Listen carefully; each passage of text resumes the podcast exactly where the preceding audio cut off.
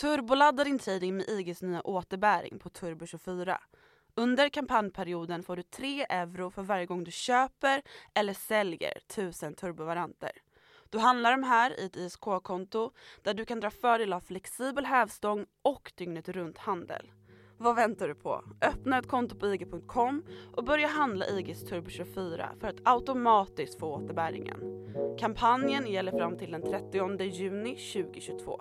Särskilda villkor och regler gäller och kom ihåg att all handel med finansiella instrument innebär risk.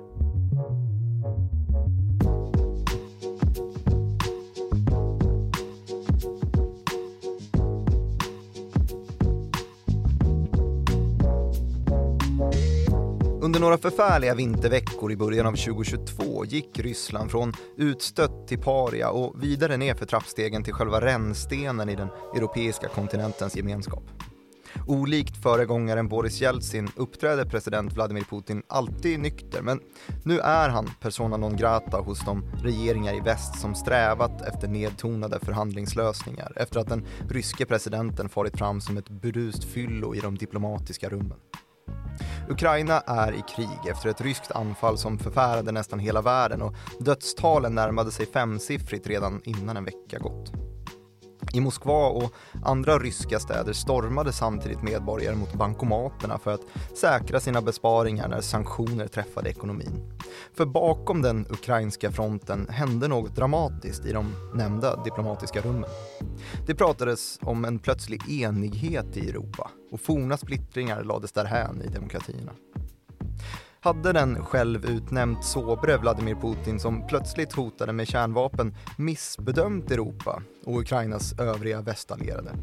Kunde de heroiska ukrainarna bita ihop och hålla emot med hjälp av svenskar, schweizare och tyskar som i sin tur tycktes yrvaket tillnyktrade på väg upp ur neutralitet och 80-årig pacificering? Det här är Follow the Money, en podcast om makt, storfinans och börsen av med mig, programledare Martin Nilsson och utrikesredaktör Joakim Rönning. Hur mår du? Bra. Idag ska vi prata om naivitet till att börja med tänkte jag. Jaså, historien om densamma eller? Uh, ja, eller hur det passar in i Europa, den oh. europeiska kontinenten det senaste hundratalet år i alla fall. Låt höra. Det, det här har ju kopplingar tycker jag som kan förklara ganska mycket just detta ordet naivitet. För det här är ju en hoper av missbedömningar som ligger till grund för den händelseutveckling som vi nu har sett. Från vilken sida kommer naiviteten? Från båda egentligen, fast i olika kronologi. Och vad det gäller EU-länderna då så är det ju en total missbedömning av eh, hur Ryssland skulle utvecklas. Att det skulle gå mot att bli en auktoritär diktatur i princip med en enväldig president som har eh, härskat nu i över 20 år och att man skulle kunna möta det med eh, vad tyskarna kallar det då, vandel durch handel, alltså förändring genom handel. Att man ska sitta vid förhandlingsbord och prata med varandra och ha ekonomiska utbyten och så kommer allting bli bra. Mm. Och Ryssland då, å sin sida, om vi skruvar fram klockan lite till den mer akuta fasen här, så är ju hela Ukraina-krisen en konsekvens av Rysslands bedömningar om vad omvärlden ska göra för att motsätta sig det här då. Alltså vad den demokratiska världsordningen, hur man ska reagera och hur man ska slå tillbaka.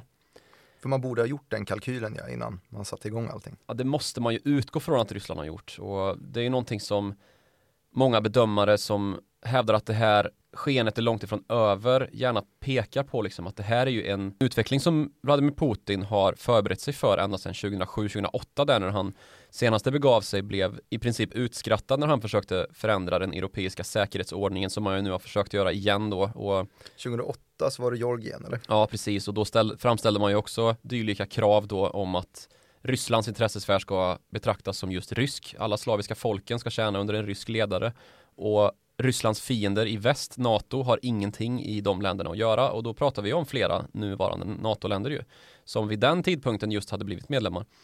Och då är det ju Polen till exempel um, det bästa exemplet på det då. Mm. Ja, för det här pratade vi om för några avsnitt sen också när eh, Putin precis hade ställt upp styrkorna längs gränsen och vi pratade om att det är kanske rätt tid att invadera nu medan Europa på något sätt är splittrat och det råder oordning i världen och man är ganska förstörd av en pandemi redan.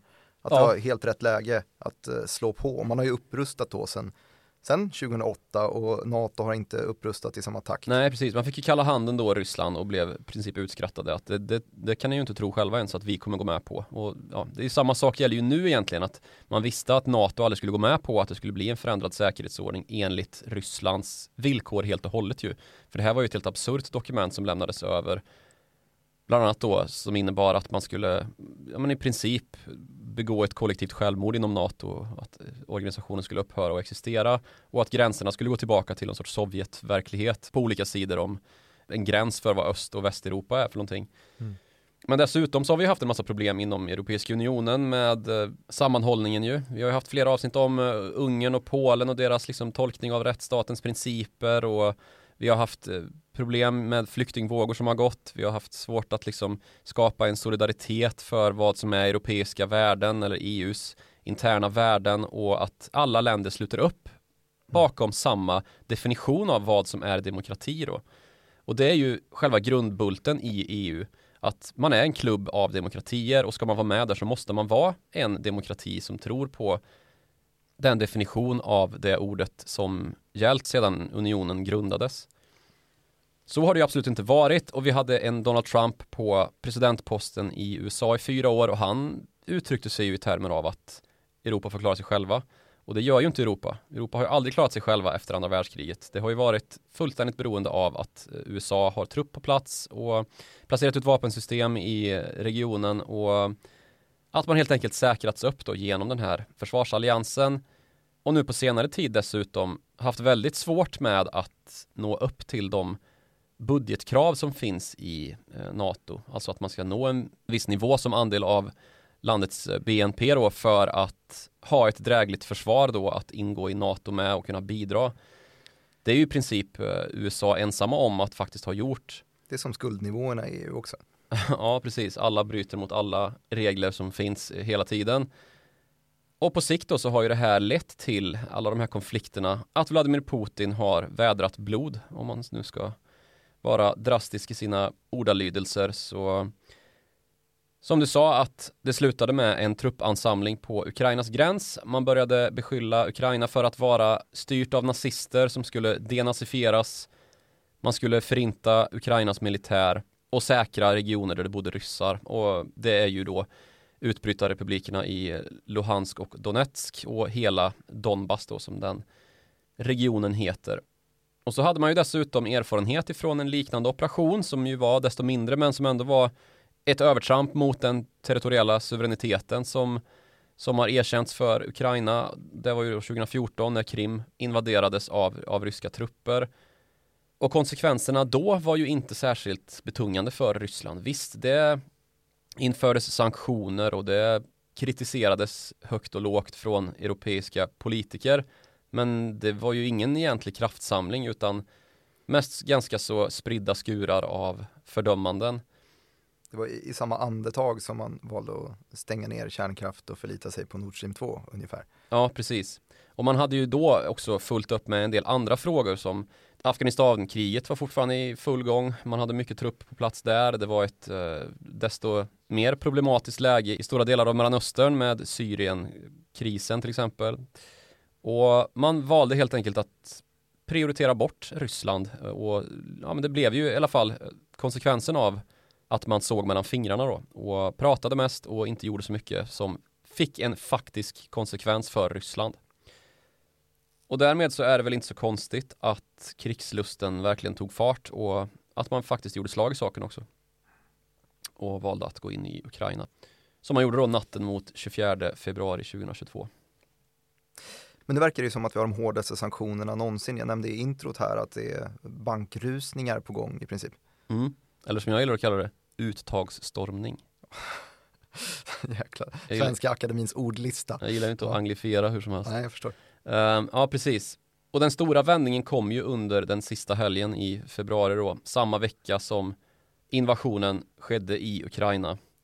Och det var ju då i takt med att Flera länder som man väl hade kunnat vänta sig skulle skicka vapen gjorde det. Då pratar vi om östeuropeiska länder, vi pratar om Storbritannien och flera andra som, som tydligt har tagit ställning. Sen så har vi ju ett gäng länder i mitten av Europa som har haft desto krångligare att fatta beslut om att faktiskt agera och visa hur allierad man är med Ukraina egentligen. Och att det inte bara är prat. Det finns ju den här försändelsen av 5000 hjälmar som skrattades ut av Klitschko, den gamle boxaren som numera är borgmästare i Kiev. Som eh, sa att hjälmar liksom, skicka kuddar nästa gång. Det här, vi, vi behöver vapen, vi behöver bara vapen, inga, inget annat liksom. För nu har ju den tyska politiken kommit att helt och hållet byta riktning på en femöring nästan. Och det är då efter en händelseutveckling som tar, sig, som tar sin början ända långt tillbaka på 1700-1800-talet. Tyskland har alltid haft ett rykte om sig att vara ganska så krigshetsande och när man gör militärtjänst till exempel så pratas det om preussisk ordning. Det är ju en del av Tyskland, Preussen, att man alltid har gillat att stå i raka led och gå i, i marschtakt.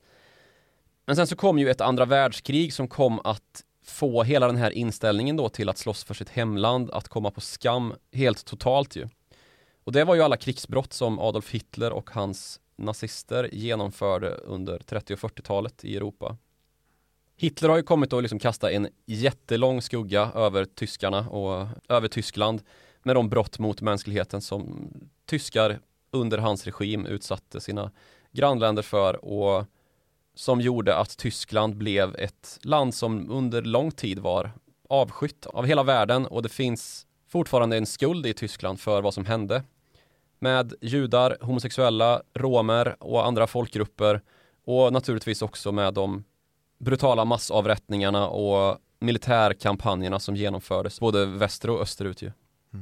Så det är det som har lett till att eh, Tyskland har haft en ganska passiv framtoning och snarare skicka hjälmar än någon, någonting annat. Ja, precis. Alltså att man vill, vill vara Europas voice of reason liksom. Att man inte tar till våld, att man har liksom övergett sin, sitt krigshetsande förflutna. Och framförallt då efter att kalla kriget tog slut, att vi kommer alltid kunna prata oss till bättre relationer med vår forna fiende Ryssland då, trots att vi är med i NATO och är en viktig, framförallt diplomatisk röst i, i Europa. Och det här kan väl framförallt kanske konstateras då genom alla, vad heter det, förbundskanslrar. Alltså de tyska ledare som har varit eh, sen muren föll.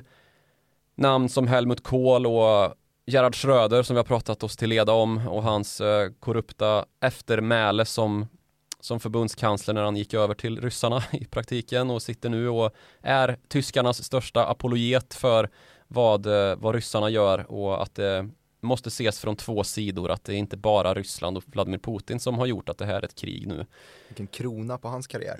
ja, verkligen. Och det bakgrundshistorien där då, om man inte har hört den tidigare så är det ju att han gick direkt då från att ha varit förbundskansler i Tyskland och fattat beslut om att låta de här gasledningarna som ju har gjort Tyskland beroende av rysk energi för sin industri och sin uppvärmning och sina glödlampor till att helt enkelt ta jobb hos Vladimir Putin när han var klar med eh, sin tid i den tyska regeringen. En viktig pusselbit i den lobbyrörelse som kanske ledde fram till att man valde att lägga ner andra energislag och fokusera på gas och oljeleveranser österifrån. Precis, eh, och då pratar vi ju kärnkraften då, för det är ju en oerhört stark kraft i Tyskland, att man har ju stängt ner alla sina kärnkraftverk nu för att man istället ska nyttja sig av gas.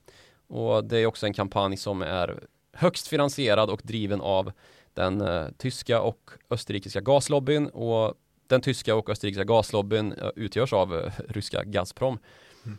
Någonting som har faktiskt fått en del uppmärksamhet nu på slutet när den europeiska motkampanjen nu kommer mot Ryssland att man börjar rota i det här och hittar oj det var ju visst Gazprom som låg bakom det här stödet till miljöorganisationer som var emot kärnkraft då utan att man egentligen förstod varför eftersom att det inte släpper ut någon koldioxid. Visst, det är giftigt avfall som skapas av det men det finns ju en lösning för det också som ju hela tiden skjuts ner då av miljörörelsen som inte är tillräckligt säker och så vidare. Mm. Men det blev en vändning i Tyskland ändå och deras opinion. Ja, och den kom ju väldigt hastigt som sagt på en femöring. För nu är ju den här epoken av postheroism över. Och heroism då, då pratar man ju om krigshetsen och att det var coolt att vara en, en eh, man var det ju fråga om som stod upp för sitt hemland och gick ut i krig och stoltserade med äventyret eh, att ha stått i frontlinjen. Mm. Så den här efterkrigstidens vändning då bort från hård och tvingande makt till förmån för mjuk makt såsom handel och idealism då har ju nu kommit att bli förändrad eftersom att man i ett besked då från nye förbundskanslern Olaf Scholz på söndagen den 27 februari då meddelar beskedet att Tyskland ska rusta upp. Och det är ett besked som kommer alltså för första gången sedan andra världskriget, eh, i alla fall i de här termerna. Att man ska nå upp klart över 2% av BNP i försvarsutgifter. Man ska lägga 100 miljarder euro på att rusta upp sitt försvar. Och det här kommer väl efter att eh, ett par generaler har hört av sig och sagt att Ja, det här har gått för långt. Um, det tillsattes då en, en inspektion och en av de här arméinspektörerna, den högsta arméinspektören gick ut och sa att vi har ju ingenting. Det räcker inte på långt när det här. Och det måste till någon sorts förändring annars så är Tyskland på längre sikt hotat då. Eh, när vi nu ser en rörelse mot den demokratiska ordningen i Europa. Visst att det är i ett land som är korrupt, Ukraina, men som, går, som tar steg mot väst och vill bli en del av den demokratiska världsordningen. Det är första gången sedan andra världskriget som vi har den typen av invasionskrig i Europa och här måste Tyskland som en, som en mittpunkt i Europa, det största landet i EU, kunna ta en tydligare ställning och bli en maktfaktor på ett sätt som man inte är idag. Var det samma typ av resonemang som fick eh, ja, men oss och Schweiz att också vända på klacken? Ja, ehm, det är det ju. För vi har ju också en neutralitet som är välkänd i världen och Schweiz ännu mer ju.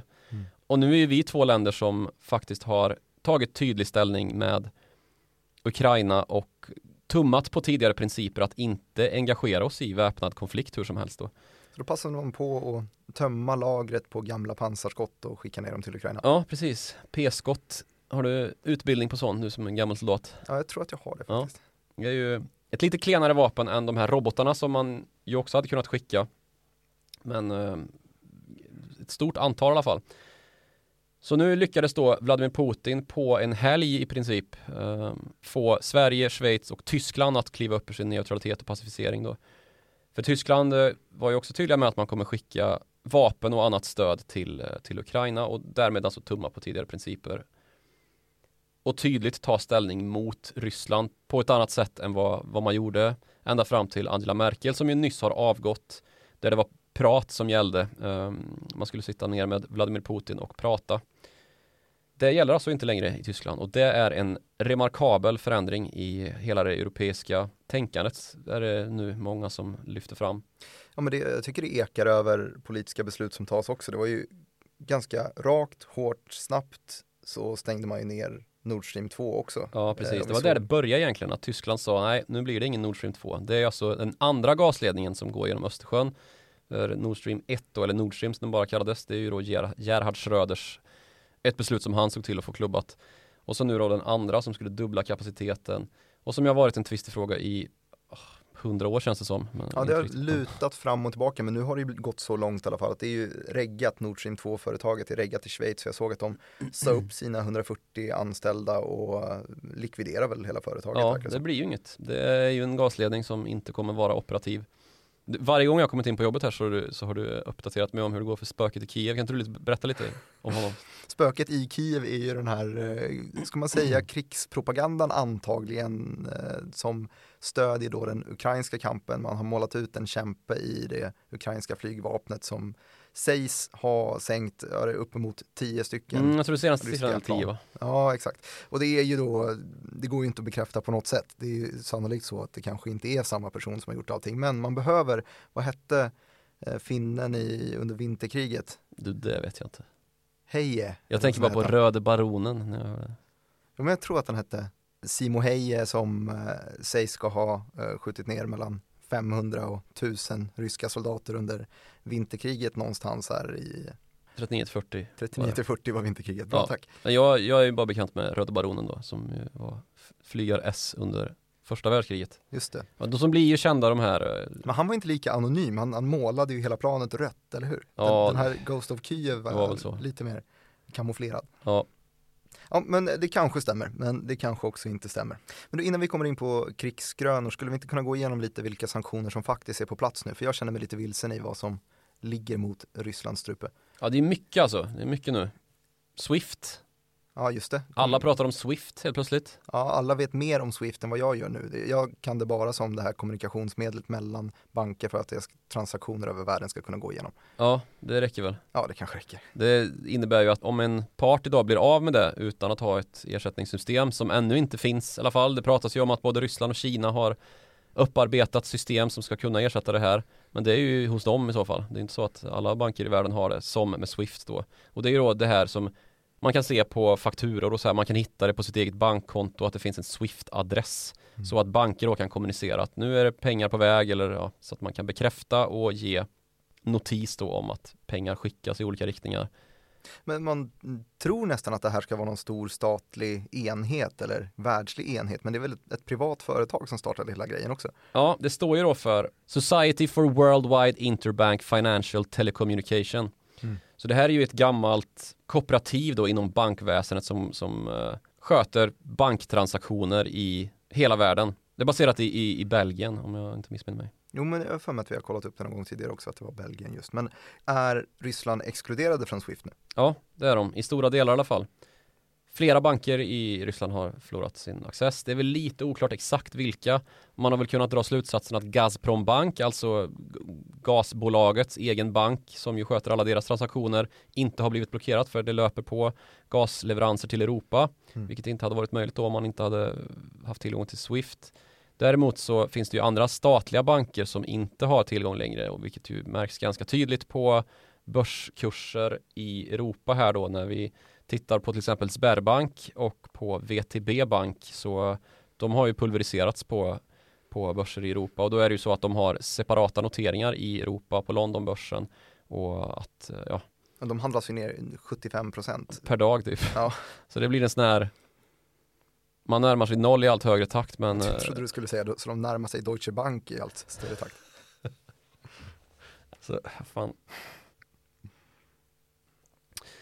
Och det är ju då för att om banktransaktionssystemet eller tillgången till banktransaktionssystemet Swift ryker då får man typ gå tillbaks till brevduva liksom. Eh, ja, eller fax. Det här systemet upprättades på 70-talet och idag så handhar det ju tiotals miljoner transaktioner varje dag. Så all snabbhet med ett transaktionssystem som inte har tillgång till Swift som kommunikationsbärare då, som kommunikationsmedel blir ju supertrögt Mm. och ja, i princip icke-operativt.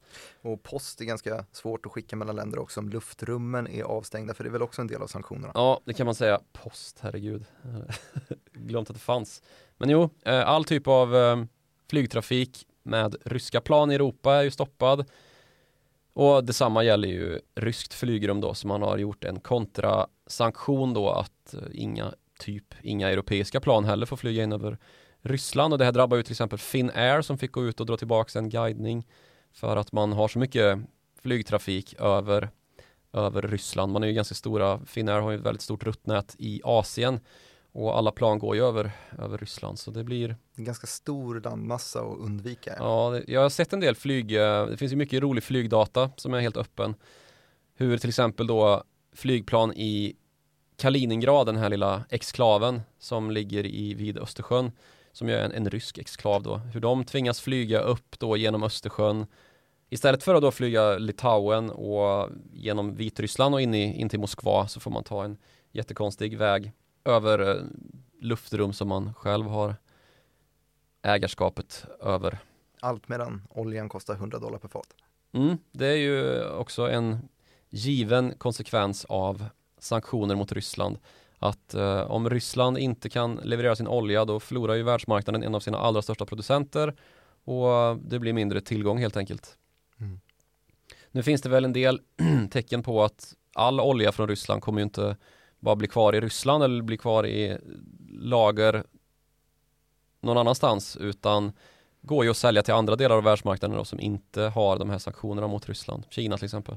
Just det, är det de som är den stora aktören där i så fall? Ja, det blir det ju. De är ju en jättekonsument av energi och så länge oljan kommer ut på världsmarknaden så blir det ju en mindre prisjustering då jämfört med om, om utbudet helt skulle försvinna för det, det är ju trots allt en väldigt tätt sammansatt världsmarknad i, i oljemarknaden till skillnad från många andra råvaruslag ska vi säga. Timmer till exempel är en väldigt lokal marknad eftersom att ja, det har ju med skäl att göra som till exempel att trä kan ruttna, försämras kvalitet om det får gå på eh, under olika transporter med fel förutsättningar och det är helt enkelt säkrare att konsumera i, i närregion.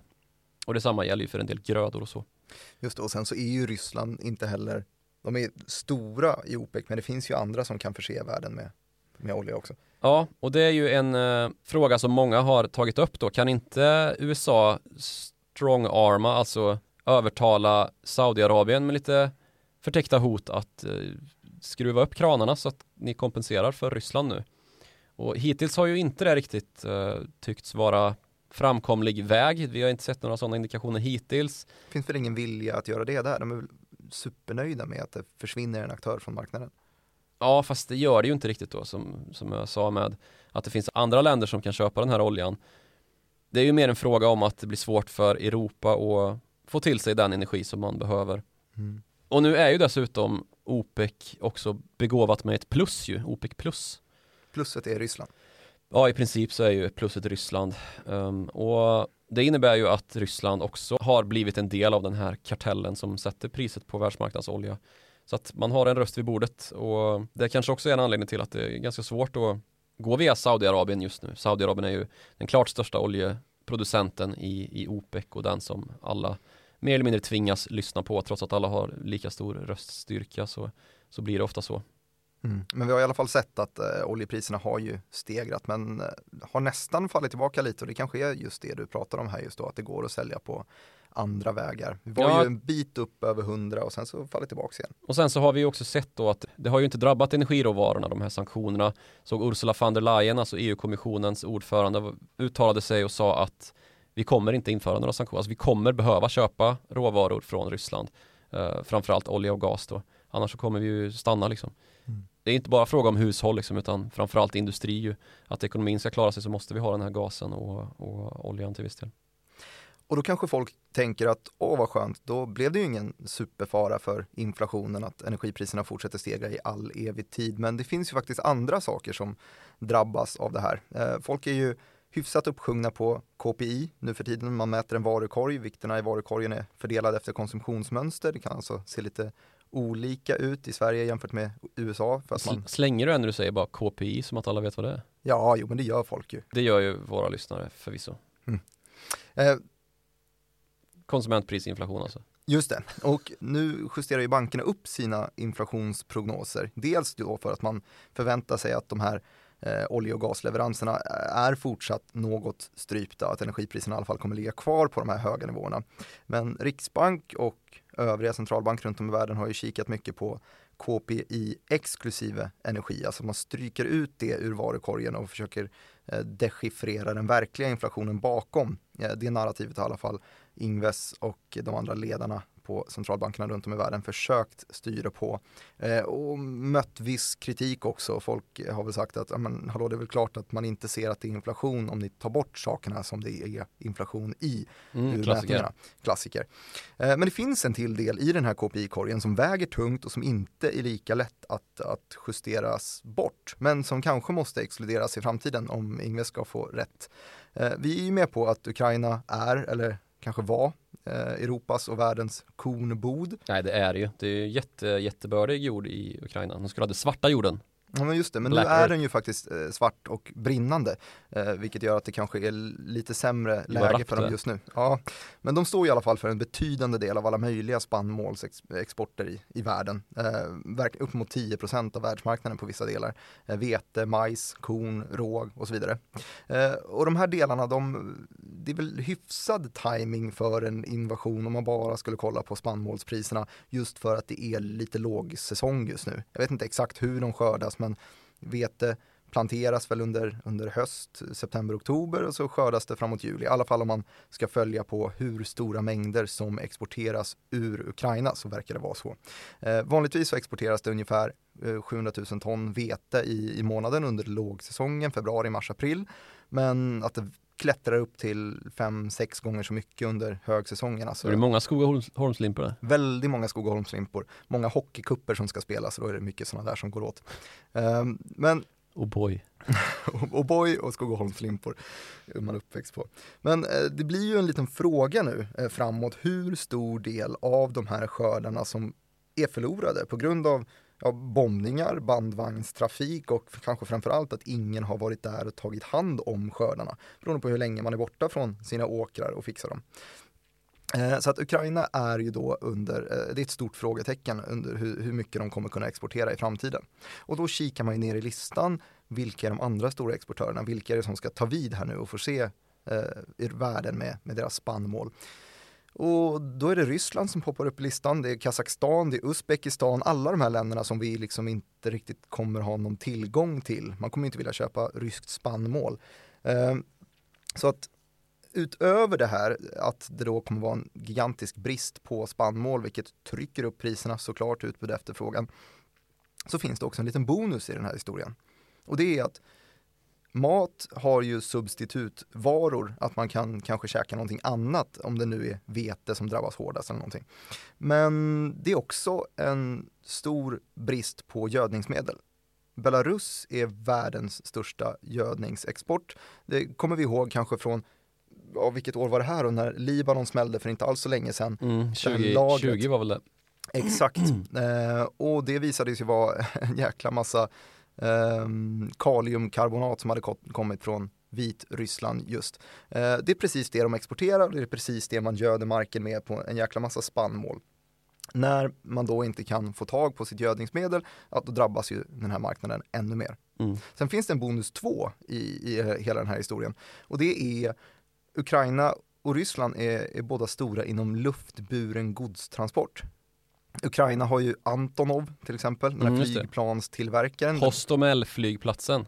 Exakt, för som där jag, stod Som man alla har lärt sig allt om som har följt den här konflikten noga eftersom att ja, Det är ju en, en flygplats som ligger nordväst om Kiev som blev intagen av ryska luftburna trupper under invasionens första dag och det var indikerade väl att det var många som de ryska militära strategerna tänkte använda det här som någon sorts brohuvud in i Kiev då, att man skulle luftlandsätta med flygplan och sätta in desto mer trupper än de som behövs för själva ockupationen av flygplatsen och därefter då gå mot Kiev och byta ut Ukrainas regering helt enkelt.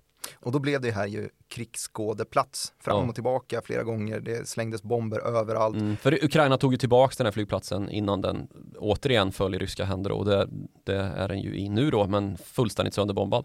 Exakt, och det är lite av en tragedi för alla flygentusiaster där ute, för det har eh, kommit fram då att där stod ukrainska Antonov AN225.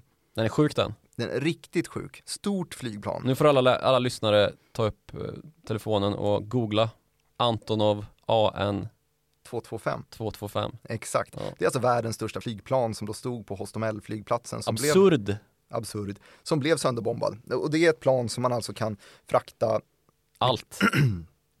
riktigt märkliga saker i. Brandbilar, turbiner, helikoptrar får liksom plats i flygplanet. Eh, den... det, det, är en sån som flygentusiaster, så fort det kommer någon sån till Sverige så står det liksom alla Sveriges flygentusiaster med kikare och, och eh, sån här gigantiska zoom vad fan heter det? På kameran Objektiv Objektiv på kameran så att man kan få, få en bild till samlingen och det behövs inte ens zoomas in så mycket för den är så stor i alla fall. Nej just det. Eh, Sånt här vet ju allt, du allt om eftersom att du är fågelskådare. Absolut. det, det, är jag inte. Eh, men det fanns då bara en i världen, den, har, den var ganska gammal också, eh, men det var ju lite uppståndelse kring den. Det finns däremot ett tjugotal lillebrorsor till eh, AN225, Antonov AN124. Och de är också riktigt stora är de. Eh, de är på alla sätt, vad jag förstår, sämre än övriga flygplan. Man brukar jämföra med Boeings eh, 747 eh, men de är sämre på alla sätt förutom just storleken, att de kan frakta det som ingen annan kan frakta.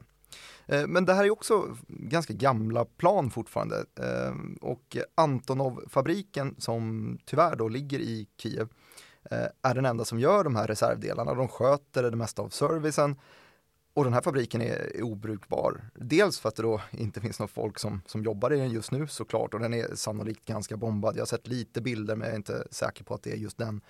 Um, kombinera det här att fabriken är bombad med att hela Antonov-flottan är jättegammal och behöver ständig service så står nu snart alla plan eh, still på marken istället. Så det blir lite av en Eh, en fraktkris i en värld där det redan är så ansträngt på logistikkedjan att man gärna har 20 21 Ja. extra plan.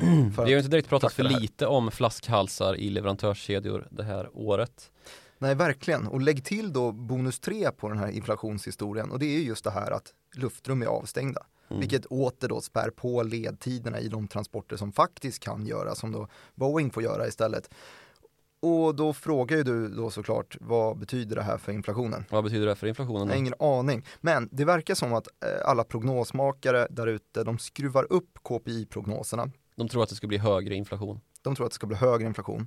Eh, Och det här möts ju då, brukar mötas upp av centralbanker, men centralbanker å sin sida brukar inte vilja ta några förhastade beslut, framförallt inte, inte under sådana här förhöjda oroligheter. Så att linjen man går på fortfarande är Riksbanken, de höjer 2024, H2, alltså andra delen av 2024, Fed. De höjer nu i mars, en stor höjning, 50 punkter och sen så fortsatta fyra små höjningar under resten av året. Och jag hörde en, eh, eller vad vill du säga här? Jag tog faktiskt del av en, eh, en analys, en snabb analys på krigsutvecklingen där det var en bankanalytiker som, som hade skruvat ner sin prognos i alla fall till att det kommer gå från den här 0,5 procents höjningen som då marknaden räknar med till en 0,1 procents höjning, så en minihöjning eh, här första svängen i mars. Så det, är ändå en del analytiker börjar ju ta ner sina estimat. Ja, och den här är ju extra läskig, för det här blir ju den första riktigt stora höjningen i en serie av höjningar från Fed. Och tidigare när man har gjort sådana här höjningar så har man varit rädd för ett så kallat taper tantrum, alltså att man skrämmer upp investerare så pass mycket att all likviditet i marknaden bara försvinner och så måste man sätta in nya åtgärder. Så man vill göra det här så långsamt och mjukt som det bara går. Och det går ju liksom inte riktigt att genomföra under en krigstid så att därför vill man väl ta det säkra för det osäkra. Ja, sen så finns det ju jättemycket osäkerhetsfaktorer här som kan spela positiv riktning eller i negativ riktning. Det var till exempel ingen som visste med säkerhet att det skulle bli krig i Ukraina, vilket ju nu har bidragit jättemycket till de prognoser som, som nu får revideras. Mm. Sen så har vi också en pandemi i ryggen ju, där näringslivet ändå fick bekänna färg och gjorde det med ganska så stort beröm ju från analytiker att de löste situationer som man var livrädd för när vi väl började förstå att det här är ju en pandemi, vad fan händer nu? Krisen är innovationens moder lite grann. Ja, precis. Och att då företag är skickliga på att hantera problem helt enkelt. På en mycket högre nivå än vad, vad många hade trott innan krisen då, när man bara ser svarta rubriker och, och kaos i den närmaste tiden framåt liksom.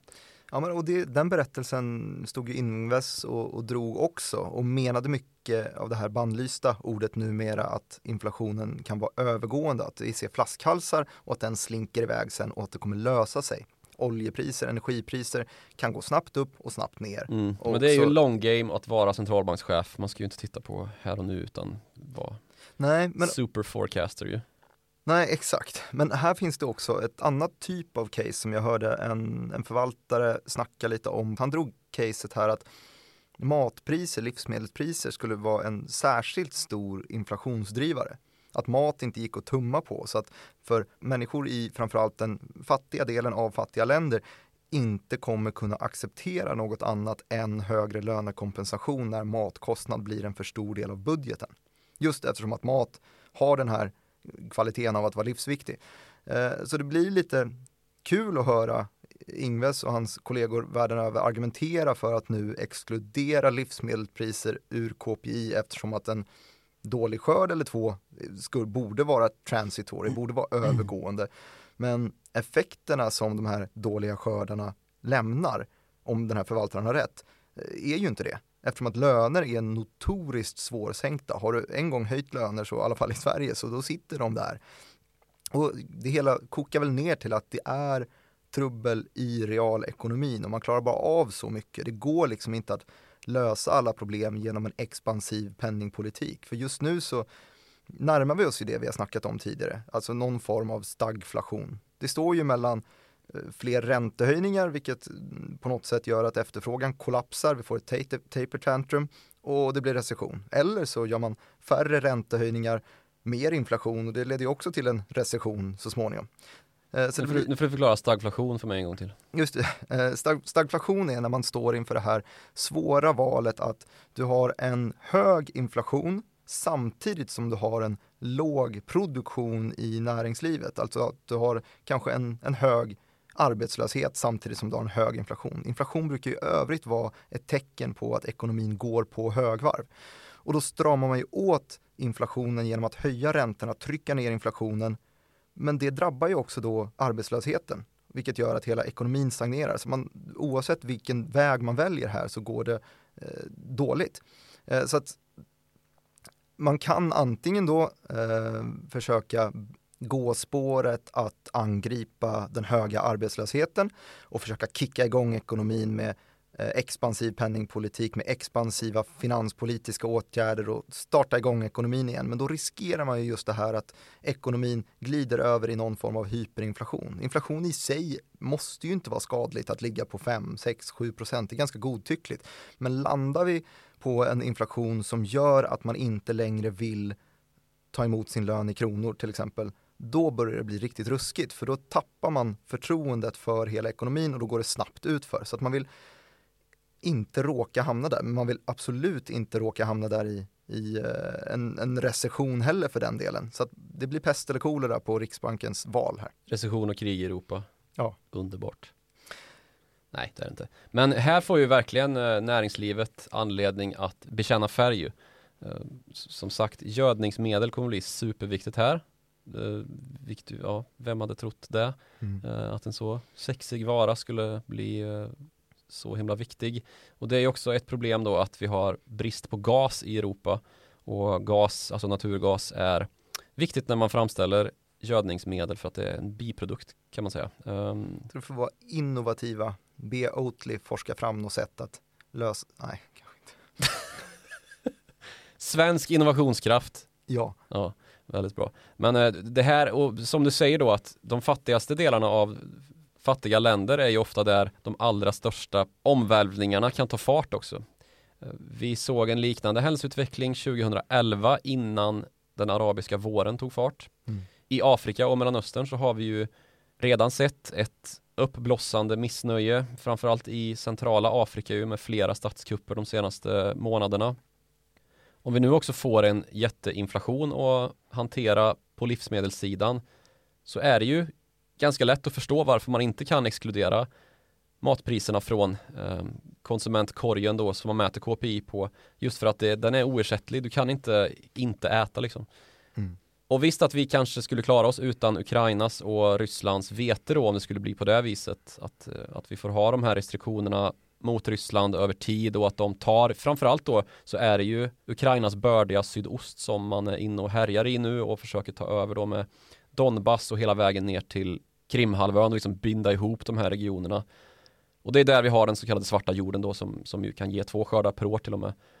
Men problemet ligger i gödningsmedlet för det finns ju trots allt andra regioner som kan odla liksom. Så om spridningseffekten då kommer istället genom att gödningsmedel inte kan skeppas ut över världsmarknaden för att Belarus inte har tillstånd att sälja det hur som helst eller att eh, Ryssland då fortfarande är kvar under sanktioner om man inte gör undantag som man nu har gjort med gasen och oljan då. Då får vi problem och jag tror väl att det sistnämnda där att det har gjorts undantag för andra livsnödvändiga råvaror som eh, Europa då framförallt inte klarar sig utan nog kan vara en indikation på att gödningsmedlet kommer nog också kunna komma till världsmarknaden på ett sätt som den har gjort tidigare eller i alla fall i liknande mängder så att vi inte får liksom svält och ja. omvälvande liksom revolter runt om i eh, världen som ju, som ju, ja men som arabiska våren som ju var destabiliserande för hela kontinenter och då pratar vi både Mellanöstern, Nordafrika och, och Europa ju som där vi såg flyktingvåg och terrorhändelser i kölvattnet av de oroligheter som bröt ut i framförallt Syrien då. Just det, så nu står vi inför två stycken svåra kriser som ofta följer eh, humanitära katastrofer. Att man då får dels en brist på, på käk, på en, en viktig råvara, men också en, en stor flyktingvåg som är, ska ta vägen någonstans. Mm. Ja, den har vi redan sett börja ju. Men du, hur låter det egentligen på, eh, på världsmarknaden? Det råder ju ändå någon form av inhemsk rysk finanskris om man kollar på aktiekurserna och man har ju sett bilder på de här eh, bankrusningarna som du ville kalla något annat för att kunna kvala in Uttagsstormning. i uttagsstormning. Ja. Ja, goda Akademin. köer utanför bankerna. Mm. Eh, sprider det sig till resten av världen? Ja, men ganska lite i så fall. Eller nej, kan man väl säga för att det är så pass lite.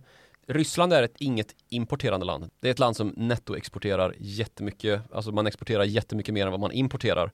Eftersom att man har de här stora råvarutillgångarna och det är ju rovdrift egentligen som man brukar kalla det när man bara skördar av och skickar iväg och kammar hem vinsten. Um, så det är inget Wall Street som har kopplingar till resten av det ekonomiska nej, centrumet? Nej, det är det absolut inte. Och om man tittar på då svenska banker, svenska industriföretag och detaljhandelsföretag så är det ju liksom några procent ganska lite av det hela om man jämför med andra stora marknader liksom. Så att man är väl ganska överens. Budskapet i marknaden är att nej, det blir inga sådana spridningseffekter som kan trigga en finanskris liksom. Och dessutom så är bankmarknaden ganska stängd mot Ryssland ju.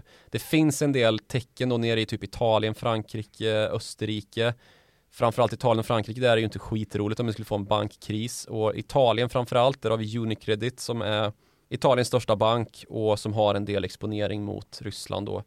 Med viss utlåning då till ryska bolag som bygger och har sig i Östeuropa framförallt. Men det har ändå varit Men... en del utflöden. Jag tänkte på MSCI, världsindexet, började exkludera ryska tillgångar från deras emerging markets index, vilket betyder att man måste sälja av en del. Och där tror jag att ryska exponeringen stod för typ 3,5 procent av indexet pengar som då helt enkelt måste flytta från ryska tillgångar till andra. Ja, det låter ju som fondpengar då som ligger i Ryssland och ja, det är väl rimligt att det gör det. Och vi har ju sett liksom en, ett nedställ på börsen. Nu hämtades det ju kapp ett tag här men ja, det, det är ju slagigt och volatilt och, och jobbigt i största allmänhet. Det går väl inte att sälja av de tillgångarna Nej, precis. Alltså börsen ner. har ju varit stängd i Ryssland trots att det är handels, alltså ordinarie handelsdagar. Så, och det är ju för att rubeln har kraschat och kollapsat liksom. Det är ju inte värd någonting nästan längre. Så att det går helt enkelt inte att ställa priser som är förutsägbara och då är det ingen idé att handla. Så att det är klart att det får påverkan och de här bolagen som säljer gas och olja och som finns på börser både i Ryssland och på flera andra ställen i världen. Det finns ju nere i Hongkong också liksom med de här ja, men gas, olja och metallbolag är det framför allt. Så det är klart att det påverkar och det skapar en osäkerhet. När, när ska det gå att likvidera de här tillgångarna och man har ju för att skydda småsparare då infört köpstopp på Rysslands fonder hos de svenska nätmäklarna och många banker. Så absolut att det får en börspåverkan, men om man tittar ekonomiskt då så är intjäningen från Ryssland för de stora bolagen väldigt liten. Det är som sagt ett land som säljer till Europa, inte köper från Europa primärt. Men visst, det kan påverkas i vissa enskilda fall då att man, som i svenska Ferronordic, ett bolag som säljer anläggningsmaskiner åt Volvo på den östeuropeiska marknaden och i Ryssland. De har ju haft det minst sagt kämpigt, ställt in utdelning och så här för att man Eh, får svårt att göra affärer. Dels sanktioner men också för att Volvo gick ut och sa att eh, vi tänker inte leverera till Ryssland just nu och vi stänger ner den produktion vi har där för att det funkar inte liksom. Så det, väldigt många bolag har ju tagit ställning väldigt tydligt för Ukrainas suveränitet och att det liksom vill att visa att det Ryssland gör det anser man är fel. Det tycker jag är någonting som man missar lite grann. Alltså utöver de statliga sanktionerna så finns ju då helt enkelt privata sanktioner mm. Eh, från direkta företag. Vi har, okej okay, det kanske är också statligt, men Systembolaget eh, säljer inte rysk vodka, lika, lika så i Alko heter det väl i Finland också. eh. Ja, du varit i Finland? Jag, jag, har varit i Finland, ja. Ja, det kan du tänka dig. Fågelskådat har jag gjort. Fågelskådat. Tusen sjöarnas land. Och druckit finsk vodka. Mm, ja. Lappinkulta. Lappin... Det är bärs det. Ja, Lappinkulta är bärs. Mm. Finlandia heter vodka. Okay. Um, ehm. Jag är halvfinsk, bara så du vet. Mm. Um, jag tappade spåret, men jag höll på att prata om näringslivets delar av sanktionerna. Att det är väldigt många privata företag som tar ställning och det måste ju också på marginalen göra lite skillnad eftersom att det är tusentals företag som tar en ställning mot Ryssland för Ukraina. Ja, det märker man ju, inte minst i sociala medier och alla tävlar om eh, både små och stora företag om att ta ställning mot, mot Ryssland och för Ukraina på tydligast sätt. Men det är väl just på marginalen det påverkar. En del bolag har ju också haft påverkan från att man har antingen produktion då i Ryssland som Volvo har, Autoliv har någon slutmontering där också, de som tillverkar airbags och fordonssäkerhet. Det finns ju en del svenska, eller ganska många svenska bolag som har tech centran i Ukraina på ett eller annat sätt, antingen support eller att man sitter där nere och programmerar. För det är ju faktiskt ett ganska så välutbildat land med techhubbar på, ja, framförallt i Lviv som ju är den västukrainska största staden. Och det är ju också det land som var Sovjets stora utvecklingsnav. Ehm, det är inte för inte som Antonov sitter just här i, i Ukraina.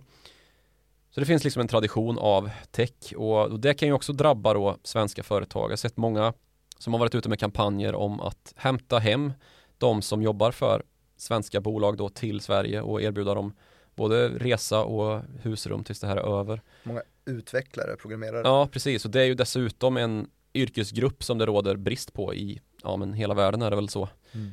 Så det är ju ett smart drag av även av, även av den anledningen. Men om vi blickar framåt så skulle ju företagen som handlar och har fabriker i Ryssland egentligen se att den här handeln kan återupptas någon gång. Vad är det som påverkar när den här isoleringen skulle kunna brytas? Ja, det är ju krigsutvecklingen, hur det går i det här kriget och när det tar slut egentligen. När Ryssland inte kan ta sig in i värmen igen, för det kommer ju inte ske under Vladimir Putin. Men ju snabbare det här kriget tar slut och får någon sorts, i alla fall vapenstilleståndsavtal så det är ju omöjligt att säga eftersom att det finns liksom inget prejudikat i världen för det här. Visst, vi har haft dylika sanktioner som har varit liksom inte så skadliga för världsekonomin mot Iran till exempel, mot Venezuela, där man har avfört dem från Swift och vållat regimens företrädare i första hand då eh, ekonomisk skada men i nästa steg då också svårigheter som drabbar medborgare i de här länderna. När de väljer att glida över till bitcoin istället. ja, eller något. Precis som eh, Ryssland och ryssar och ukrainare tycks ha gjort för det var ju en liten eh, spik i bitcoinpriset när det började viskas om att nu kan man ju byta ut den kollapsade rubeln mot bitcoin istället då. Ja, eh, ett riskfyllt företag det med. Det är inte så att bitcoin är jätte icke-volatil den heller. Så vad är, det, vad är det senaste i kriget? Hur går det? Ja, man ska väl vara tydlig och säga att av det som framhävs på sociala medier så går det ju väldigt bra för Ukraina trots mm. allt. Spöket i Kiev. Ja, ja, precis. Det är sånt som framhävs och man ser ju väldigt mycket bilder på ryska krigsfångar och inte så mycket av ukrainska förluster naturligtvis. Och man ser de här oändliga fordonskolonnerna som, som har bombats ut och förvandlats till lastbilslik liksom. Om man får siffror på, på hur många ryssarnas förluster är både i liksom manskap och militärmateriel av olika slag då. Och av det så verkar det ju som att Ryssland absolut inte har gjort krigets hemläxa om man tittar historiskt då. Och dessutom så har ju det ryska anfallet stannat av i flera dagar nu när vi sitter och, och, och pratar om det här på tisdag eftermiddagen den första mars här och när man pratar om rysk krigföring så, så brukar det ofta pratas om ekelonger. Ekelong då, det är, vad ska man säga, anfallslinjer eller att man, man har en främsta anfallslinje och sen så byter man ut den så att det kommer friskt folk och fyller på från led två och så faller första ledet tillbaka då i något vänteläge och återhämtar sig och sen så kommer eh, tredje ekelongen och så liksom roterar man så här så att man hela tiden har framåtrörelse. Växelvis framåt, en, en strategi för att kunna ja, bryta precis. igenom försvar. Då. Och det här började då ifrågasättas här på söndagen när det var så uppenbart att anfallet har ju stannat av här utan att man har gjort jättestora terrängvinster. Man har inte tagit Kiev, man har inte tagit Charkiv, alltså den näst största staden. Man har nätt och jämnt gjort några framsteg i Donbass. Visst, man har haft en del framgångar i syd då, men där har också Ukraina haft ganska svårt att manna upp. Alltså det har nästan verkat som att man har fokuserat mer på huvudstaden då. Så det här har liksom framträtt som raka motsatsen till en krigföring som man befarade då inför invasionen av Ukraina, att det skulle röra sig om någon sorts nästan tyskt blixtkrig, att eftersom att det sker i samma terräng då som den tyska krigsmaskinen rullade fram under 30 och 40-talet och la mark under sig i ett hiskeligt tempo genom snabba trupprörelser, att man skär av långsamt gående infanteri och vinner terräng i en helt makalös takt och genom att ha en taktik som är baserad på egna initiativ och hela tiden ha en rörelse framåt. Och inte vara rädd för att man liksom ska missa någon fiende och bli tagen i, i ryggen utan att det hela tiden kommer nya anfallsvågor då som håller stridande förband som man har bakom ryggen då, fientliga stridande förband upptagna med en, en fiende i eh, frontens eh, huvudriktning liksom. Och det här är då en, en sorts krigföring som man kan liksom likställa med i, när USA invaderade Irak. Um, att då, då var ju luftherravälde väldigt viktigt. Det har ju inte ryssarna lyckats uppbåda. Att man först bombar sönder viktiga installationer och sen går in med mekaniserad trupp och men du, när man följde nyhetsflödet på tidig torsdag morgon så kändes det som att det var väldigt orkestrerat att eh, viktiga flygplatser som vi har pratat om tidigare idag också blev angripna eh, tydligt. Det var strategiska punkter eh, och man tänkte att det här ser ut att vara riktigt välplanerat och organiserat. Men Mm. sen så tappade man någonstans där. Eller? För att, alltså, du snackar luftherravälde till exempel. mm, Siffrorna inför var ju Ukraina har 30 plan och Ryssland har 500 ungefär. Mm. Men man har ändå inte lyckats ta, ta luften. Nej, det är lite av en gåta det där, för man har inte upprättat något luftherravälde utan man är fortfarande kvar på sidlinjen liksom. Och det finns ju naturligtvis väldigt mycket trupp på sidlinjen överhuvudtaget som inte har satts in än.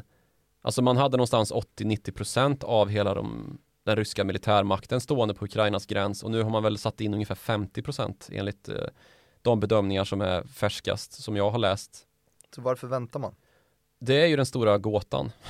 Varför har man väntat? Och det finns väl teorier om att man ville inte terrorbomba ukrainska städer, ett broderfolk och försämra dels den egna moralen men också då göra sig avskydd och hatad i det land som man har tänkt att byta ut regimen i och göra, liksom ställa rätt i, i Kiev så att det inte är en eh, påstådd nazistregering där liksom. Och de här misslyckade luftlandsättningarna, till exempel den i Hostomel då den här flygplatsen som Antonov har ägarskapet över den visade sig ju totalt misslyckad. Det, var, det blev ju en, en alltså ett, ett luftlandsatt elitregemente som blev utplånat där. Och där har man väl kunnat dra slutsatsen att man hann inte ner med den pansarkil som det kallas, alltså pansarförband som då skulle undsätta och säkra terrängen runt den här flygplatsen, för en flygplats är ju helt värdelös om du inte har all terräng runt den och kan flyga in flygplan utan att du ska behöva vara rädd för att luftvärn tar hand om inflygande plan då med hundratals trupper i till exempel. Och det blev ju fallet till och med. Ehm, flera sådana transportflygplan med, med eh, hundratals ryska soldater har blivit nedskjutna i närheten av Kiev. Och sen så finns det andra förklaringar då som, som ju är högst teoretiska eller i alla fall saknar belagda grunder som har att göra med att Ryssland har krigat på ett sätt som helt och hållet har utgjorts av luftherravälde ganska nyligen i historien, nämligen i Syrien. Och där bombade man ju sönder Aleppo till exempel, en eh, eh kulturell historisk storstad till en grushög ungefär. Och då finns det en teori då om att det finns helt enkelt inte bombkapacitet längre. Alltså man har bombat, bombat slut på lagren i Aleppo eller i- Syrien och har nu inte kunnat bygga upp de här lagren i tillräckligt hög takt för att kunna nyttja sig av hela sitt flygvapen på det sätt som eh, nog hade behövts då, eller uppenbarligen hade behövts innan man gjorde den här pansaroffensiven in i Ukraina som ju dessutom som en annan delförklaring inte har mötts med det stöd som framförallt soldaterna själva har blivit intalade att de ska få, att det ska stå ukrainare längs med vägarna, inte med sådana här NLO-robotar, alltså Saab utvecklade antitankvapnet. ja precis, som, som liksom skjuter sönder stora pansarvagnar med ett skott som är i princip omöjliga att missa med. Lite mer effektiv än pansarskotten vi skickade ner. Ja, och lite mer effektiva än den ryska teorin om att här kommer det ju stå folk med och strö ut tulpaner ungefär för att de är så glada av att vi kommer att befria dem. Det är ju den information som ryska värnpliktiga som skickas in har fått liksom. Och det finns också uppgifter om att många av de här värnpliktiga är inte tillräckligt utbildade, alltså de är tidigt i sin eh, grundutbildning och skickas hit med information om att de ska på övning och plötsligt så skjuts det skarpt liksom. Och sen så är ju frågan då, hur mycket av det här är propaganda? Ja, väldigt mycket naturligtvis. Det är ett krig och det är ett informationskrig, så är det alltid. Just det, du brukar ju nämna Vietnam som det första riktigt direktsända kriget, men här har vi ju typ, i alla fall det första i Europa, eh, sociala media intensiva kriget. Vi har ju frilansande journalister på plats på marken som rapporterar med sina telefoner i princip och skickar bilder och filmer överallt och det finns inte någon möjlighet att källkritisera utan man får Nej, ta och face framförallt så finns det ju oerhört mycket civila naturligtvis som bara filmar ut genom fönstret och, och får se där de ser. Mm. Men sådana här bilder är ju naturligtvis också ganska lätta att manipulera. Så det handlar ju om liksom geotagga och få någon sorts styrka i källan då innan man tar fasta på att det faktiskt har hänt det man ser. Att det inte är liksom någonting som hände i Grosny 1995-96. Vilket ju också förvandlades till en grushög Tjetjeniens huvudstad. Men om man istället då för att fokusera på krigspropaganda och desinformation tar någon sorts fasta på historien så kan man ju faktiskt dra slutsatsen att Ryssland är historiskt horribla vad det gäller just anfallskrigföring. Och det finns flera exempel bakom det ganska kategoriska uttalandet, men kanske mest intressant finska vinterkriget. Som vi redan har nämnt. Som vi redan har pratat om. Dessförinnan finns det också mängder med exempel på helt självförgörande anfallskrig där Ryssland försökt ta terräng. Och inte ens i modern tid då när det har handlat om just Tjetjenien och Georgien så har Ryssland lyckats kuva sin motståndare med reguljära infanteriförband och pansar då utan tvingas till rätt skamlösa medel och pulverisering av städer. Nej just det, när man misslyckas med eh, infanteri och mekaniserade förband så kan man ju accelerera aggressionerna genom att använda andra typer av vapenslag. Vi har ju fått första eh, kärnvapenhintarna i alla fall ja, från Putin här i dagarna. Men eh, har, har, man växlat upp och använt några Ja, det har man. Det är mycket skräck för att man ska börja använda eldkastande vapen. Det är ju fruktansvärt. Det har redan skett vätebombning, alltså så kallade termobariska vapen. Och vi har ju också sett den allmänna liksom, utvecklingen i konflikten som har gått mot att nu bombas liksom civila områden. Och Antonov-fabriker. Ja, alltså som inte egentligen, Antonov kanske, ja man kanske kan argumentera på något vis, jag har inte koll på det, men när det sker liksom bombningar av bostadshus så är det ju naturligtvis så att Ryssland anklagas för människorättsbrott och, och att det här är terrorbombningar för att få stadens befolkning att kuva sig och inte längre göra motstånd på något sätt. Och det är ju en svårare propagandaseger att ta hem i Ryssland än vad den var i både Tjetjenien och i Syrien. Där ju narrativet liksom var att nu går vi in här och driver ut islamistiska jihadister som bara måste förgöras för att de inte ska sprida död och terror i sitt närområde och komma allt närmare oss liksom.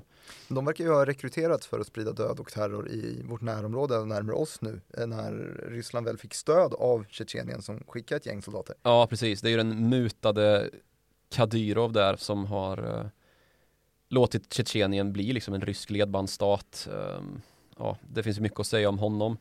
Och han ska då ha skickat in, vad var det, 10-12 tusen uh, tjetjenska krigsmän i Ukraina och de beskrivs väl som den enda egentliga truppen med någon sorts liksom hög moral för nu saknas ju en, en ordentlig förevändning egentligen. Man krigar mot ett broder och systerfolk. Man har gått in i ett grannland med en reguljär armé som under åtta år dessutom har byggts upp snabbt från i princip ingenting.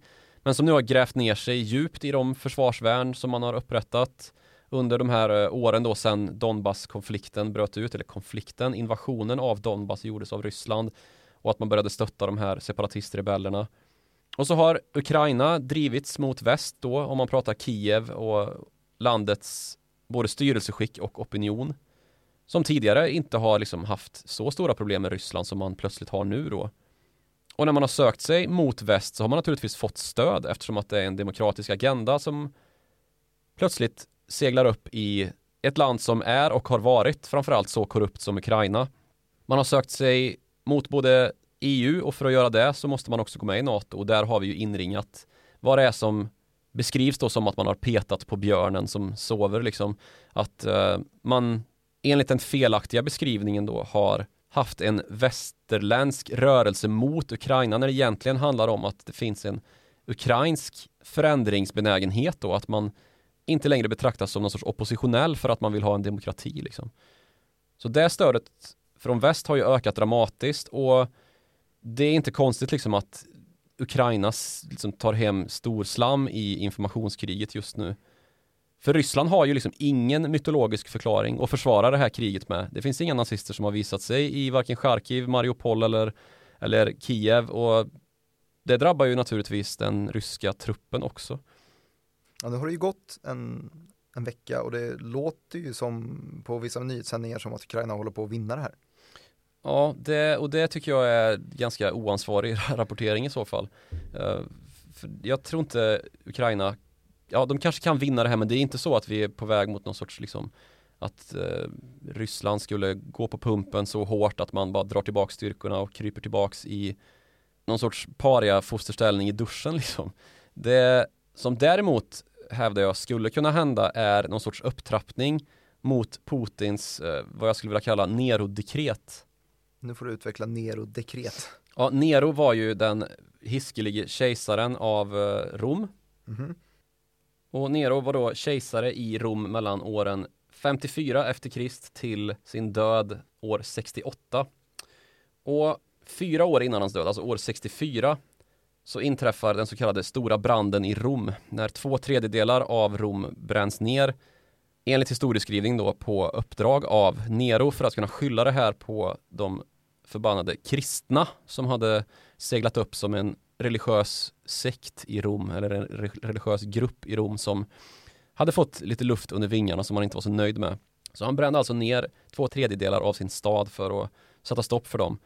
Och Nero-dekretet då som jag nu hävdar att kanske Putin är på väg mot, det är då det beslut som Hitler fattade år 1945 när kriget var på väg att förloras. Ardenneroffensiven hade förintats, den sista stora offensiven som tyskarna gjorde. Och han såg helt enkelt inget annat val än att nyttja brända jordens taktik som ju annars är en sovjetisk krigslist. Att man eh, helt enkelt drar sig tillbaka och bränner alla broar och alla matransoner och helt enkelt gör det svårt för fienden att framrycka mot det land som ska försvaras. Så Adolf Hitlers Nero-dekret bestod då alltså av att man skulle förstöra den tyska infrastrukturen så att eh, de allierade inte skulle kunna ta sig in i Tyskland. Och det här var då en order som inte hörsammades. Det blev en ordervägran här och det var Albert Speer, alltså arkitekten i det tredje riket som vägrade gå med på den ordern. Och det här var också någonting som inträffade redan när tyskarna fick fly Paris, att det gavs då order från, från Adolf Hitler om att man skulle bomba Eiffeltornet och andra kulturellt viktiga installationer då för, för fransmän och det var också order som inte hörsammades av de generaler som hade uppdraget att verkställa dem och istället så slutade det med ja, myteri och deserteringar um, där man då helt enkelt gav sig till de allierade för att slippa utföra den här handlingen då. Hur hör det här då ihop med Ukraina kan man fråga sig och Vladimir Putin?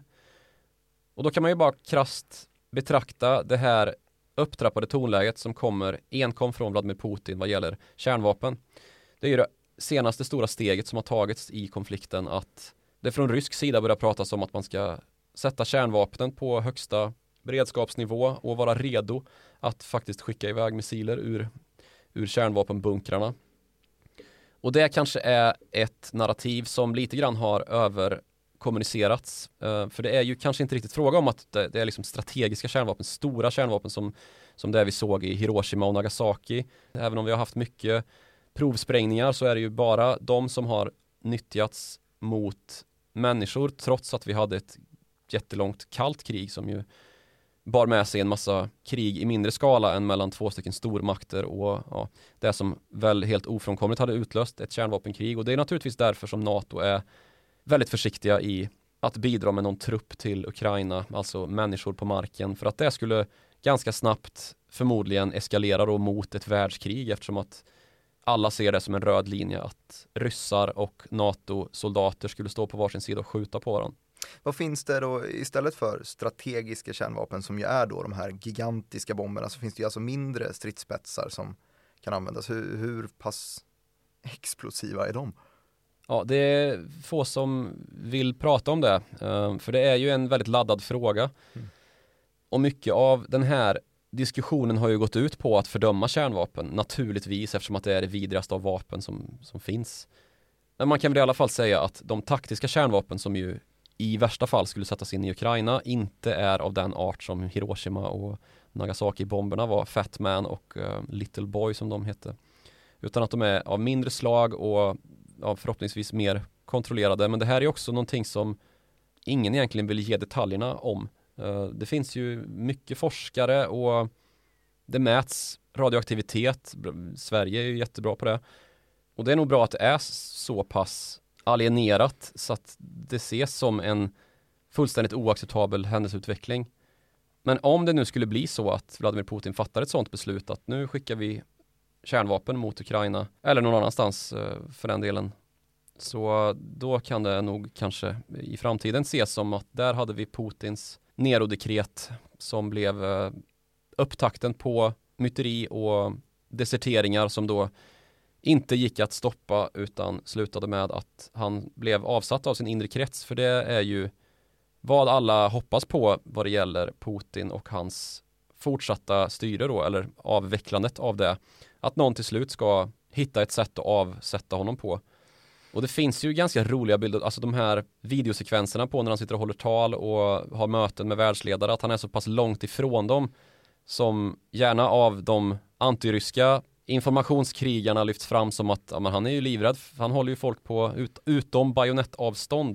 Det är ju det det här handlar om. Eller så Sen så finns det andra hypokondriker. Ja precis, så finns det andra som säger att ja, han är ovaccinerad enligt uppgift då, och han är ju så rädd för eh, att få, han är ju paranoid i sin hypokondri. Eh, och där går det ju inte att, att, veta särskilt mycket. Det har ju läckts lite, eller läckts, det har kommunicerats en del underrättelseinformation från USA.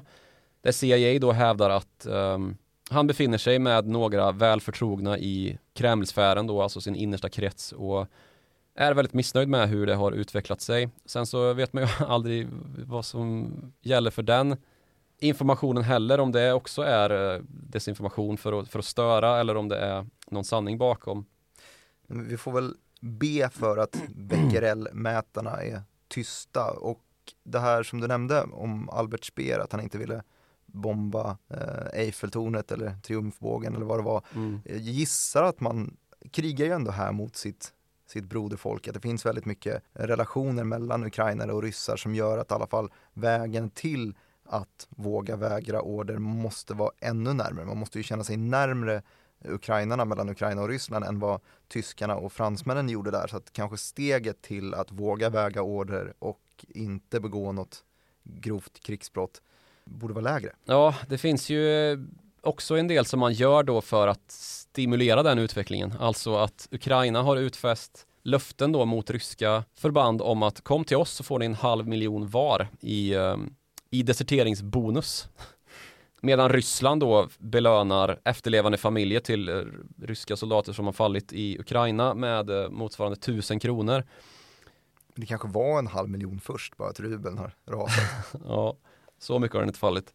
Men det är ju någonting som man då nyttjar rent aktivt i Ukraina. Sen om de verkligen får någon halv miljon, och då pratar vi ju svenska kronor, vilket ju är en enorm summa pengar i Ryssland och Ukraina.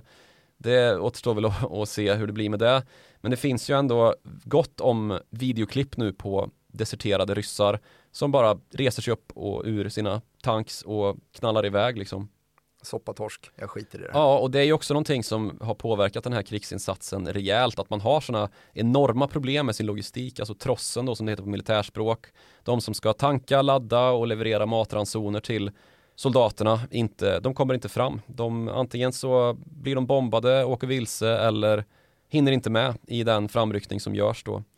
Och det blir som trafikstockning på de här rys- eh, ukrainska vägarna då på väg mot fronten och kommunikationssystem, alltså sambandssystem verkar ju ha fallerat helt och hållet. Det finns då uppgifter om att uppemot 200 ryska infanterister av det allra lättaste slaget, det är nästan att betrakta som kravallpoliser, alltså batong, handeldvapen och hjälm och sköld liksom för att ta itu med eventuellt missnöjda ukrainare inne i Kiev då när staden har fallit. Som har varit på väg in till Kiev i godan ro, satt högsta fart på motorvägen och sen blivit sönderskjutna och massakrerade då av ukrainska trupper som har stått vid vägkanterna ja, det... och, och, skickat um, sådana här javelins och N-lås då de här robotarna som förkolnar de här lastbilarna. Så det var väl i lördags kväll som, som den händelsen inträffade då på motorvägen in mot Kiev. Det och, rimmar ju lite med den här nyheten som också kablades ut. Ja, du tänker på den RIA, RIA-artikeln ja, som publicerades. Och det här är alltså bekräftat att det var faktiskt en artikel som då publicerades och sen drogs tillbaks för att den måste ha blivit felpublicerad. Det vet ju ehm, vi att man kan råka göra. Ja, det vet vi att man kan råka göra. Kanske inte just artiklar om att man nu har intagit sitt eh, broderland och återställt det under det ryska överinseende som alltid har varit det rätta utan eh, av lite mildare slag. Men det är då en artikel där man beskriver att Kiev har nu återfallit i rätta händer allt är lugnt och bra, invasionen gick smidigt, det tog bara, ja, vad blir det, tre dagar och mm, ja, det var ju för att ukrainarna var så sugna på att tillhöra den ryska överhögheten igen. Så det, det, kan ju indikera någonting om vad den ryska taktiken egentligen gick ut på och vad man hade sett framför sig och att de här underrättelserna då var helt fel. Och jag vill också gärna ta upp den här, det klippet som alla sett när Vladimir Putin förnedrar sin säkerhetschef inför mm. då när man har det här mötet uh, där Vladimir Putin högtidligt och teatraliskt frågar sina rådgivare. Det är ju utrikesminister, försvarsminister och alla säkerhetsmyndigheterna och försvarsmyndigheternas högsta chefer. Och säkerhetschefen går upp och blir förnedrad av uh, Vladimir Putin. Alltså typisk mobbing. Uh, det är ju ett klipp som har blivit Han börjar stamma viralt. Ja, han börjar stamma och vet inte vad han ska ta ordentligt. vägen. Ja. Prata ordentligt Sergej. Och um, han svarar liksom på en fråga som inte är ställd och ja. Det kanske blir så att man kan klippa ihop ett sånt, en sån sekvens med en person som uh, helt enkelt har gett uttryck för att jag vet inte om det är någon bra idé att invadera Ukraina. Det kommer inte gå så här lätt. Vi kan hamna i ett nytt Afghanistan där Sovjet ju förgjorde sig själva för drygt 30 år sedan eh, och hamna i en liknande konflikt som USAs fatala tillbakadragande från samma Afghanistan ju också bär vittnesmål om och som ju också vägs in i den här dynamiken med varför Ryssland gör som de gör just nu när man såg hur bedrövlig den kapitulationen som USA och NATO fick göra där faktiskt var men att sådana krafter då i den ryska ledningen betraktas som fjantar och femtekolonnare för väst som bara trivs för bra på franska rivieran och att ha sina tillgångar i säkert förvar i schweiziska banker. Så det gäller ju inte längre eftersom att både Schweiz och Monaco har ju nu gått på samma väg som EU och fryst tillgångar och förhindrat att man ska kunna göra några transaktioner med sitt oligark Amex vare sig man är en hög tjänsteman eller oligark Eh, i, i näringslivet. Så livet har ju blivit ganska surt och då börjar ju också logiken att svikta även om det kanske vilar god tankeverksamhet bakom att hävda då att jag tror inte att vi kommer ta Ukraina på tre dagar uh, som alla andra i rummet här. Så bunkermentalitet är ju någonting man kan konstatera bakåt i tiden i liknande skeenden, alltså när John F Kennedy till exempel skulle invadera Kuba via Grisbukten och skickade dit exilkubaner som bara skulle kunna promenera in och bli hyllade med tulpaner ungefär som eh, det verkar som att Ryssland nu har resonerat inför invasionen av Ukraina. Och det här är naturligtvis inte så att det är på det här viset. Det är lite fria fantasier som man kan brodera ihop precis som det är tänkt att informationskrig ska leda till. Så man får ju vara försiktig med vad man tolkar in av detta. Men eh, det är i alla fall en intressant utveckling och jag tycker det är viktigt att man minns tillbaka på vad, liksom, hur händelseutvecklingen har varit rakt igenom och inte bara tittar på här och nu.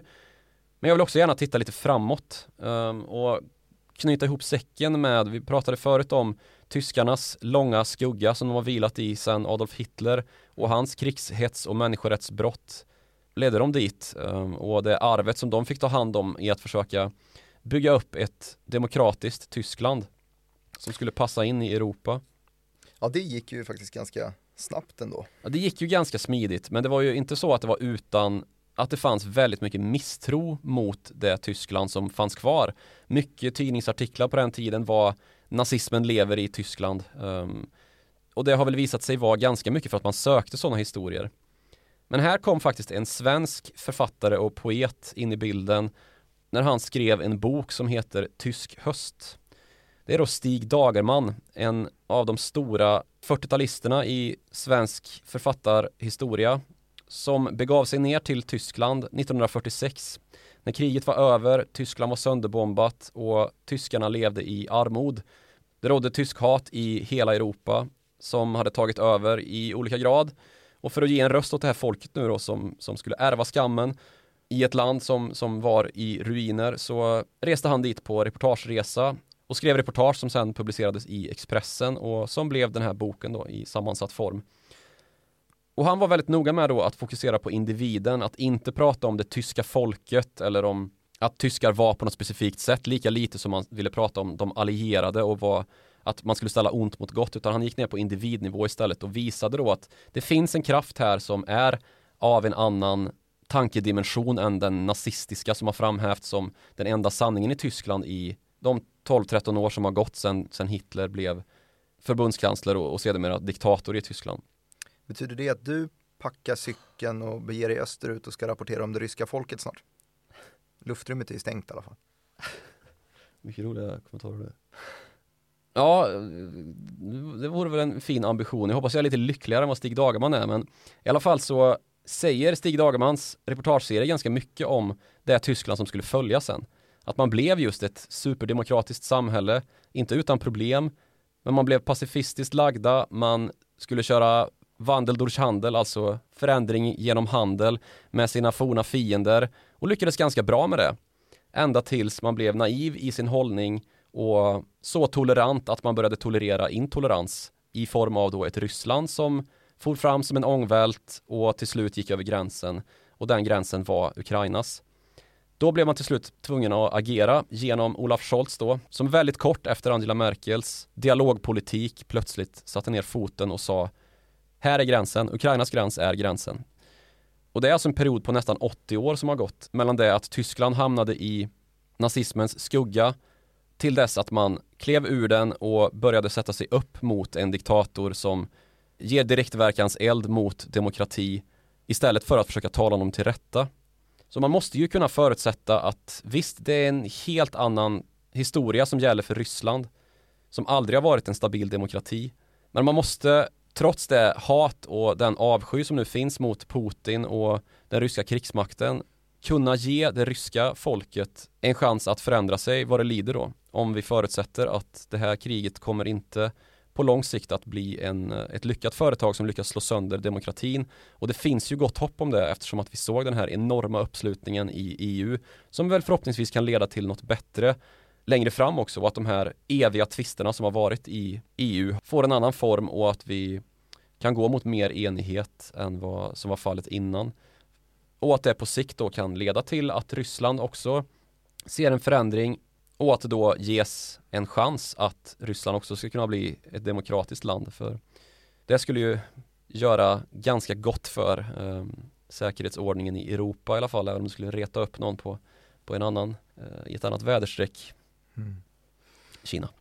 Så tysk höst har blivit eh, tysk vår och då får vi väl hoppas att det snart väntar en rysk höst så att de också kan få en rysk vår någon gång i, i framtiden Jag hade jättemånga bra inledningar så jag tänkte att det skulle ta slut. Så skulle, nej. Sen fortsatte det bara. Um, det får vi sannoliken hoppas att det går mot något bättre. Vill ni att vi går mot någonting bättre så kan ni gärna få höra av er på followthemoney.direkt.se med era synpunkter. Ni kan också nå oss individuellt på Twitter. Följ oss gärna där. Eh, han som har pratat mest det här avsnittet heter snabel Joakim Ronning på Twitter och jag heter snabel Direkt Martin. Tack så mycket för att ni har lyssnat. Vi hörs igen om en vecka.